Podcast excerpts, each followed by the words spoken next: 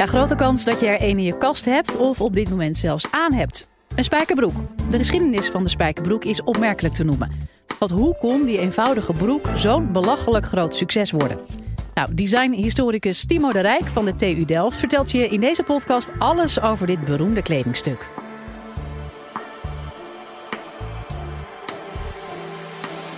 Live vanuit Club Air is dit de Universiteit van Nederland. Wie van u heeft er geen spijkerbroek aan? Veel van ons hebben een spijkerbroek in de kast hangen, veel van ons hebben hem dagelijks aan. Je denkt er niet eens over na. Je hoort een spijkerbroek te hebben, hoort bij je garderobe, als vanzelf, als je onderbroek, als je t-shirt, of als een t-shirt. Ehm, als u het wil weten, het is het, is het meest profijtelijke uh, kledingstuk uh, per draagbeurt. Het is, kost gemiddeld, heb ik toevallig van een Engelse onderzoeker gehoord, uh, tussen de 30 en de 40 pond. Dat zijn ook hele dure spijkerbroeken, zijn ook hele goedkope. En per draagbeurt kost die ongeveer 10 cent.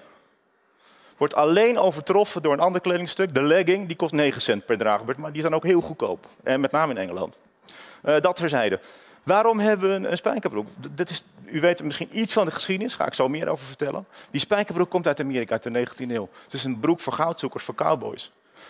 Hoe bizar is het leven van alle dag dat we nu, bijna voor de helft, een broek die bedacht is voor een goudzoeker aan onze billen hebben. In de jaren 50 had je de zogenaamde boho's, de bohemians, die um, ja, al drugs gebruikten, in kleine appartementjes woonden en hun ouders op stang joegen. Nog geen hippies, want dit zijn de hippies die u hier ziet in de jaren 60. Tweede helft jaren 60. Denk aan de grote muziekfestivals, Kraling in Nederland, Woodstock uh, in Amerika.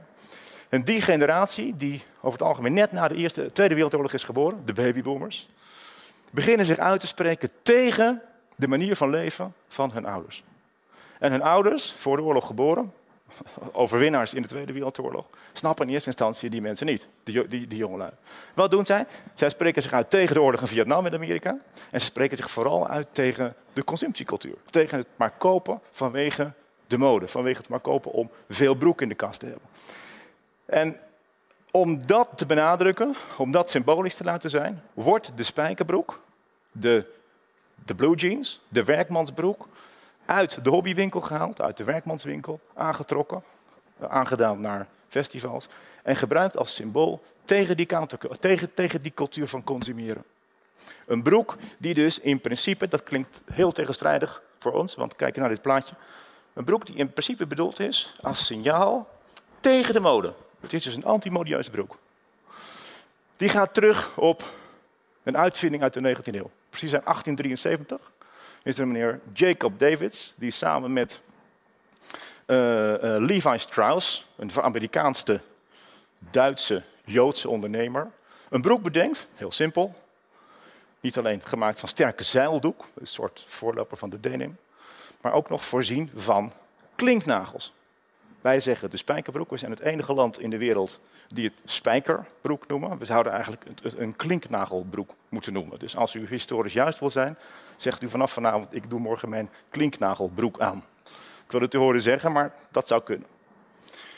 Het idee dat die, dat die klinknagel daaraan vastzit, geeft het natuurlijk ook een soort extra werkmansidee. Dus maakt het een extra sterke broek. Juist die antimodieuze, laat ik zeggen, paraphernalia, decoratie, vond men interessant.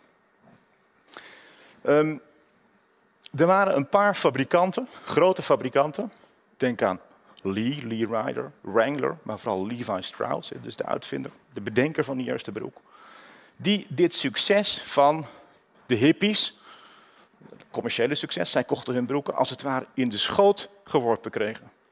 Die marketeers van Levi Strauss hebben niks gedaan aan het idee dat grote groepen jongeren juist hun broek kozen als anti-modieus symbool. Integendeel, ze wisten eigenlijk van niks. Sterker nog, ze probeerden er eigenlijk tegen te zijn. Want ze dachten, nou, onze werkmansbroek, gedragen door dat wat in Nederland langharig werkschuw tuig werd genoemd. Onze werkmansbroek aan de, hand, aan de billen van die hipjes, nou, dat willen we niet, dat is verkeerd imago. Dus ze waren er eerst nog tegen. Maar dat succes, honderdduizenden broeken, miljoenen broeken verkocht, kregen ze voor niks. In de jaren tachtig gebeurde er nog zoiets hiphoppers in, uh, in de zwarte sub, in de suburbs van, of in de achterbuurten van de grote steden, begonnen ineens Adidas te dragen. Adidas was een zieltogend Duits sportmerk, goedkoop.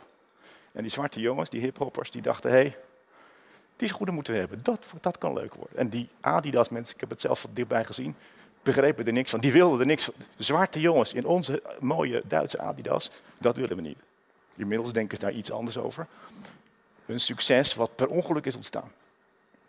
Idem, precies op dezelfde manier dus met die spijkerbroek. Levi wilde wel profiteren van dat jeugdige succes, maar dacht, die spijkerbroek, dat kan nooit lang duren. Dat ga, daar, gaan we, daar gaan we niet op inzetten in de jaren 70. Mind what, what I'm saying. Levi dacht, die spijkerbroek, dat gaat het niet worden. We gaan een breed, dat dacht men toen, je moet een breed spectrum aan modieuze kleding aanbieden. En ze bedachten toen de slagzin, Levi's don't have to be blue, they just have to be good. En ze brachten deze collectie, onder andere deze collectie, op de markt. Die misschien nog wel in denim of in jeans was uitgevoerd, maar ver weg van eh, de spijkerbroek, ver weg van de denim, ver weg van dat werkmansgevoel en ver weg van dat hippiedom. Het mocht wel modieus zijn, maar niet hippieachtig. Hoe verkeerd kun je zitten? En dat wist Levi in de loop van de jaren 70 ook. Het ging helemaal niet goed met het merk. Ze verkochten geen spijkerbroeken meer. Ze verkochten ook niet meer die malle gekleurde kleding. Ze dachten, we moeten misschien toch terug naar dat model spijkerbroek wat de jeugd zo interessant vindt. Die standaardbroek, die broek die lijkt alsof die niet modieus is. En in de jaren 80 bedachten ze, eigenlijk tegenovergestelde van die modieuze gekleurde broeken en die modieus gekleurde jasjes van Levi don't have to be blue. Nee, Levi moet juist wel blue zijn. Levi moet terug naar het idee van wij zijn de spijkerbroek. En ze bedachten de nieuwe slagzin, Levi, the original. In de jaren 80 werd er gekeken naar waar komt die broek vandaan. Wat is de eerste broek? En we laten vooral zien dat die broek bijna niet veranderd is. Een krankzinnig idee in de modewereld. Dat je dus geld probeert te verdienen, en inmiddels ook veel geld verdient, met het idee dat jouw spulletjes bijna niet veranderen. De paradox van de mode. Grote modebedrijven verdienen geld met dingen die niet veranderen. Denk ook maar aan Vuitton tassen, die blijven altijd hetzelfde. Daar verdienen ze geld mee. Levi hetzelfde. Levi heeft daadwerkelijk geprobeerd, na die flauwekul met die modieuze dingen, om de standaardbroek te creëren. Om het idee te creëren, wij zijn de eerste die deze broek, de enige echte spijkerbroek, op de markt, of tenminste laat ik zeggen, heeft bedacht en vervolgens nooit heeft veranderd. Tot in de jaren 80. Er ontbraken nog een paar dingen. Er ontbrak, ontbrak het idee van, is dit nou wel een fijne broek? Is dat nou wel een broek voor een groot publiek wat altijd die jeugdige broek, die lekker zittende broek zal dragen? Bij Levi wisten ze niet hoe het moest. Precies aansluiten bij die hippie-cultuur, bij het lekker op de grond zitten met je broek. Nee, er was een dochteronderneming in Canada. Maar de directeur, meneer Freeland, bedacht aan de hand van wat zijn dochter op dat moment mooi vond, dat die broek, die spijkerbroek, er gedragen uit moest zien. Dat meisje, de dochter van deze meneer Freeland, ze waren samen aan het zeilen, had een paar keer die broek gewassen in zout water, in de mast gehangen en tegen de vader gezegd: Kijk, nu was ik al die vervuilende middelen eruit. Er zat onder andere aardappelzetmeel in om die broek lekker stijf te maken. Dat was ik er allemaal uit en dan ziet hij er ook lekker gebruikt uit.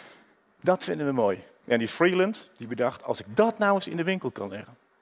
Hij bedacht vervolgens een broek die er een aantal keren gewassen, ook gedragen of in ieder geval gebruikt uitzag. Hij noemde het merk Scrubbies. Nou, dat zou geloof ik nu niet meer lukken, maar dat toen wel. En eh, zoals hij zelf zegt, de trousers didn't even hit the shelves. Ze werden enorm met honderdduizenden verkocht. Maar moet je eens nagaan. Wat een briljante, ik vind een briljante zet van deze Freeland. Misschien wel 40 jaar in de wereld van het textiel is grootgebracht. Met het idee dat je nette jasjes aan een hangertje uitlevert aan de winkels. Dat een kledingstuk precies moet zijn, niet gedragen. Er mag geen foutje aan zitten. Sterker nog, tweedehands kleding, gedragen kleding, gold als, lange tijd tot in de jaren 60, als kleding voor de armen. Denk, denk ook even aan het lompenproletariaat hier in Amsterdam. Dat leefde van tweedehands kleding en van lompen.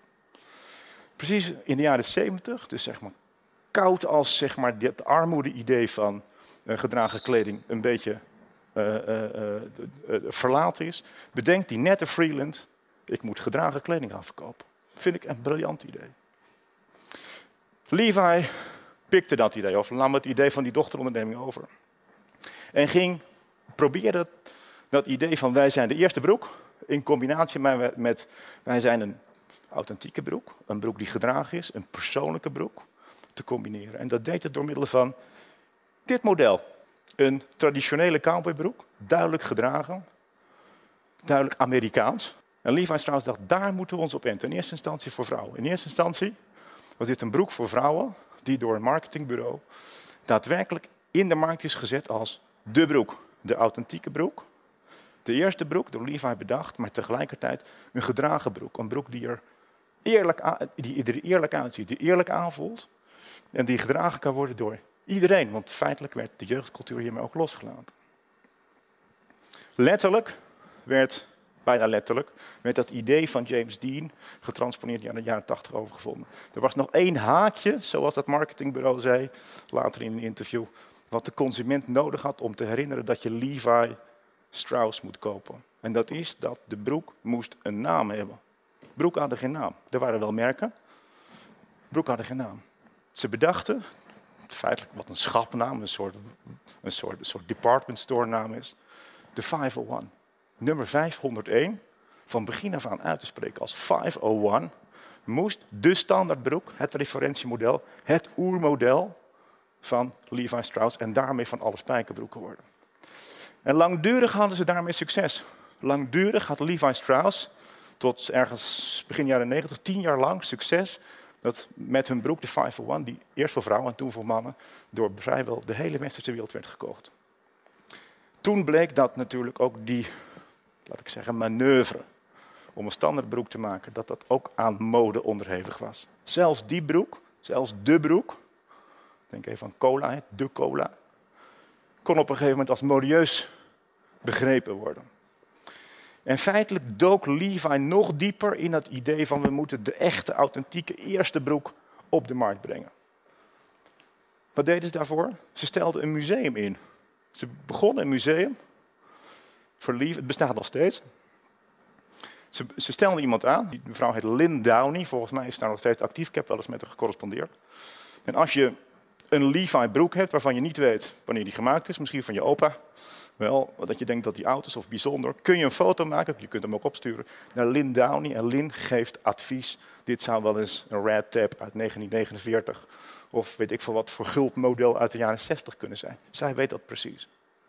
En Lynn Downey en haar mensen gingen op zoek naar de enige echte oer-Levi. En die vonden ze in het ijs in Alaska. Die vonden ze in een dorp voor goudzoekers.